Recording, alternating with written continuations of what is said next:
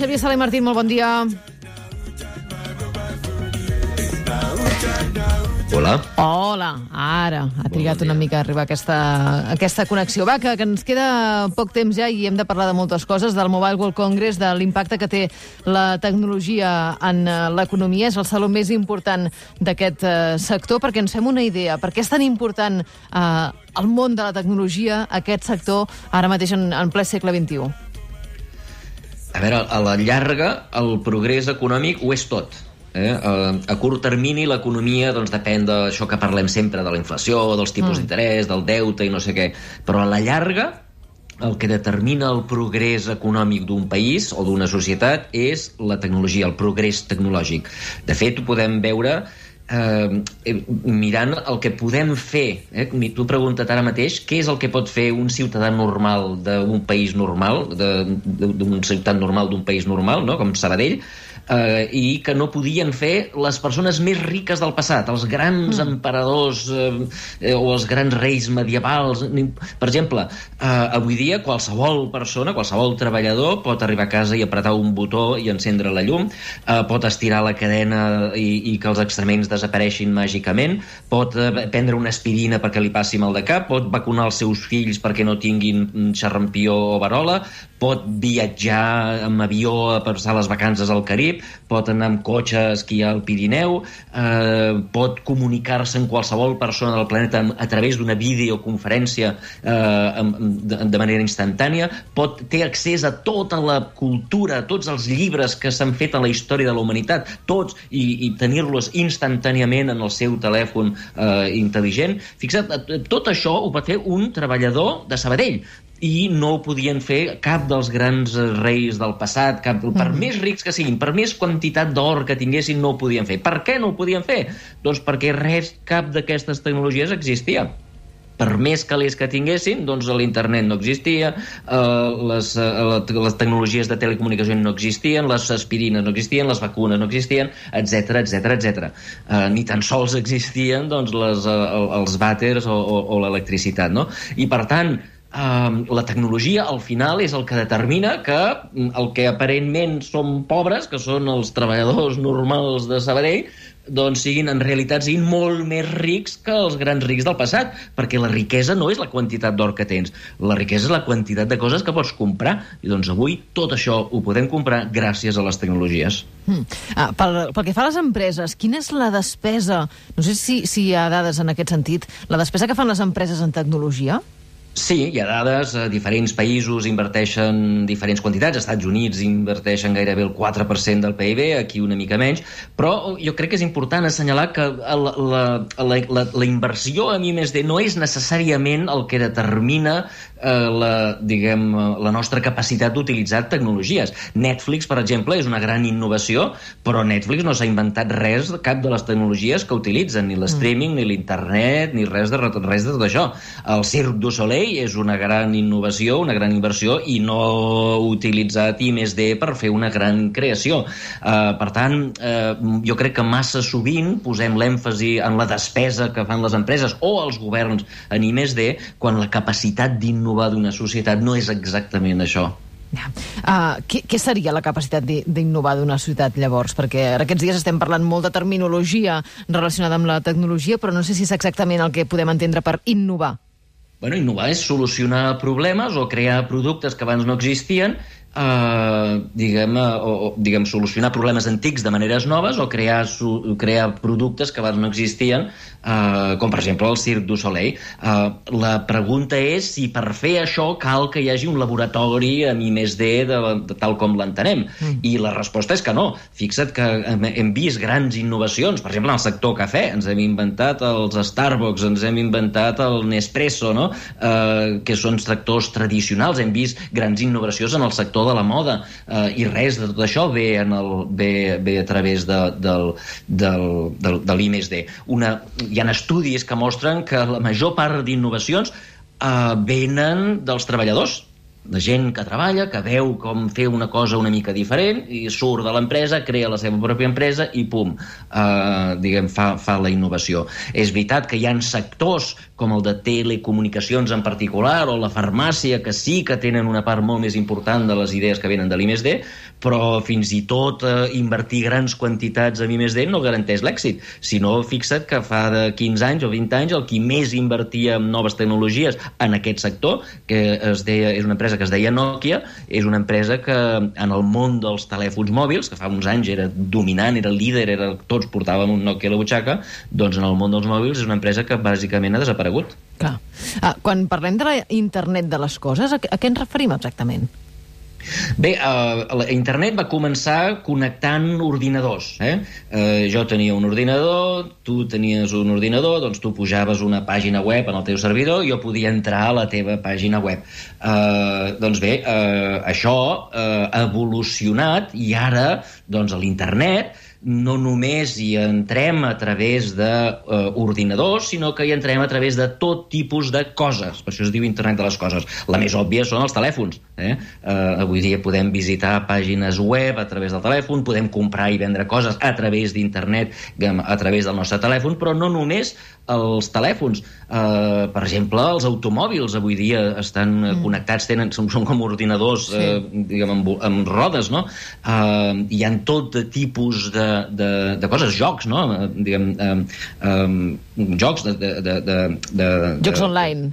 Sí, jocs online. I eh, casa, tant, no? Fins i tot a casa també tenim eh, tota la possibilitat de connectar-nos, no? Exacte, ens connectem a casa a través de l'Alexa, de la Siri, Exacte. que li diem, escolta'm, Siri, eh, des de lluny, no? Des de lluny li diem, Siri, posa la calefacció perquè quan arribi ja, ja s'hagi connectat, eh, ja, ja s'hagi, ja, ja, tinguin, ja, ja no, no tinguem fred quan arribem, no? Doncs tot això eh, es fa a través d'internet i no són necessàriament ordinadors que es parlen o es connecten entre ells, sinó que són coses, i per això es diu internet de les coses. Això és la intel·ligència artificial, tot això de què estem parlant?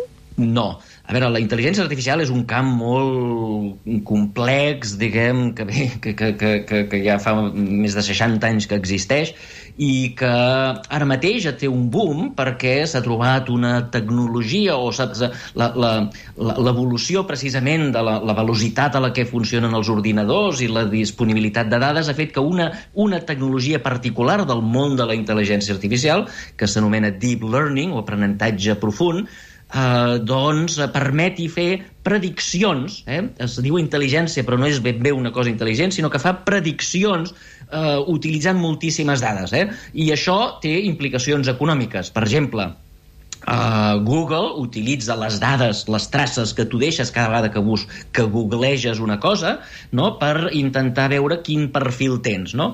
I com que tu googleges, jo què sé, uh, busques un vi francès i després busques un viatge a París i després busques no sé què, llavors ells amb aquestes dades prediuen el que realment estàs comprant o el que realment voldràs comprar en el futur.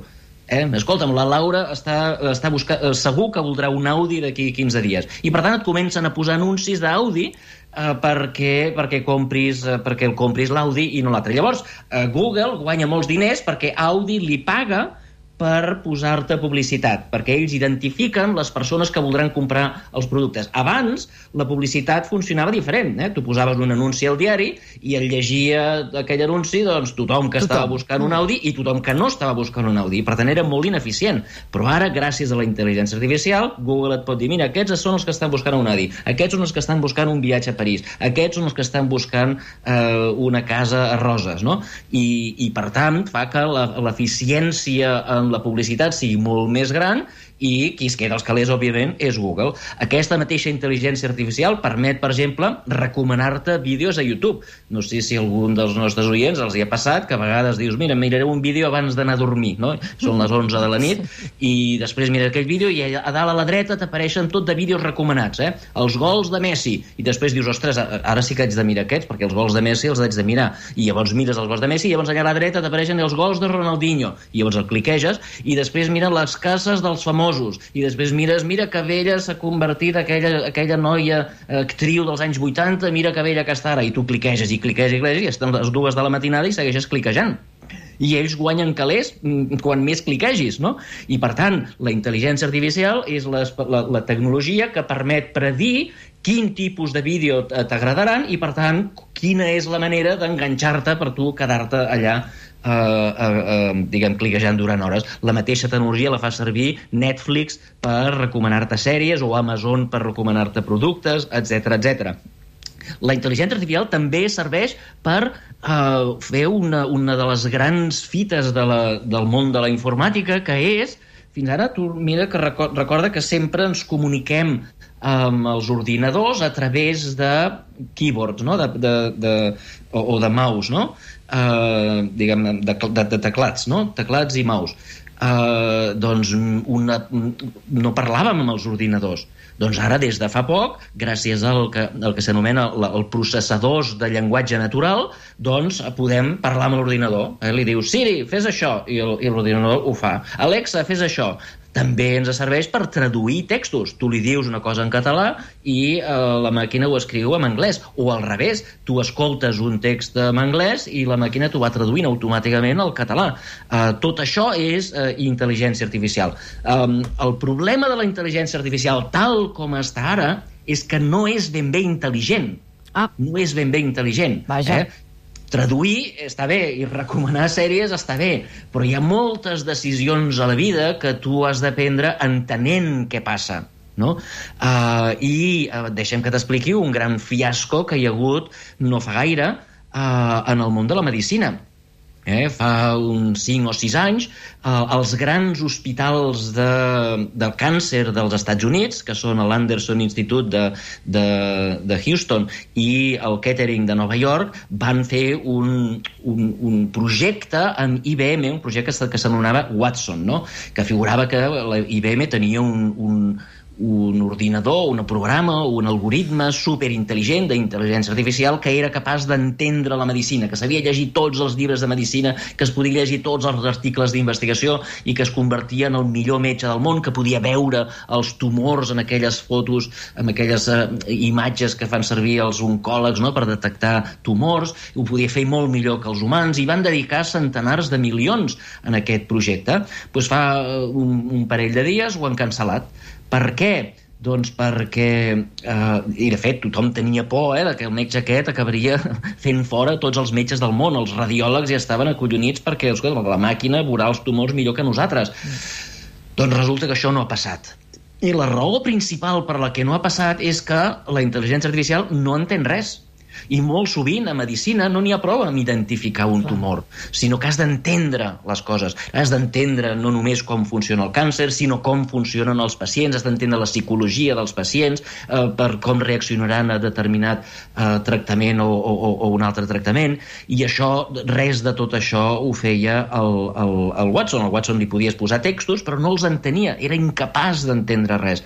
I ara encara estem en, aquest, en aquesta situació. La intel·ligència artificial no és intel·ligent en el sentit humà de que no entén les coses. Pots posar-li una foto i veurà si hi ha un objecte determinat i, i amb una precisió eh, es, espectacular veurà quin és l'objecte determinat i t'ho dirà, això és un gat, això és un gos, això és un tumor. Però molt sovint els humans necessitem més que no pas identificar objectes i necessitem entendre com funcionen els objectes. I de moment, de moment, aquesta tecnologia que anomenem Deep Learning eh, o aprenentatge profund no és capaç de, no és capaç de fer-ho i, per tant, eh, les aplicacions econòmiques que requereixen entendre, com per exemple la medicina, de moment, de moment diguem, eh, seguiran fent ús d'algunes d'aquestes aplicacions, per exemple, identificar tumors, però les decisions importants no les prendrà la intel·ligència artificial, sinó que les seguirem prenent els humans. Per sort, de moment i per sort. I per sort, sí. I afegeixo. Uh, tot això lliga amb, amb uh, una cosa que ens explicarà la, la Marta Carreras, que és uh, la presència dels robots, eh? no, no en el món de la medicina, sinó en altres camps, els robots que s'estan presentant al Mobile World Congress. Uh, no sé si la tenim per aquí la, la Marta. Que estàs, uh, eh, que sí, Marta, que estàs uh, veient robots per aquí? Sí, sí, sí, d'això el Xavier Salamartina en sap una estona, eh, també, de, de robots i aquesta intel·ligència artificial que tot combinada fan eh, que les empreses hi apostin fort i us diria que és la gran expectació d'aquest mobile, eh? Dèiem que és el metavers i el 5G, però realment on la gent s'atura a fotografiar són aquests robots. Ara, si voleu, després us faig un tour pels més divertits. Vinga, ens els presentes de seguida. Uh, Xavier Sala i Martín, moltíssimes gràcies. Molt bé, gràcies a vosaltres. Gràcies, adeu, bon dia.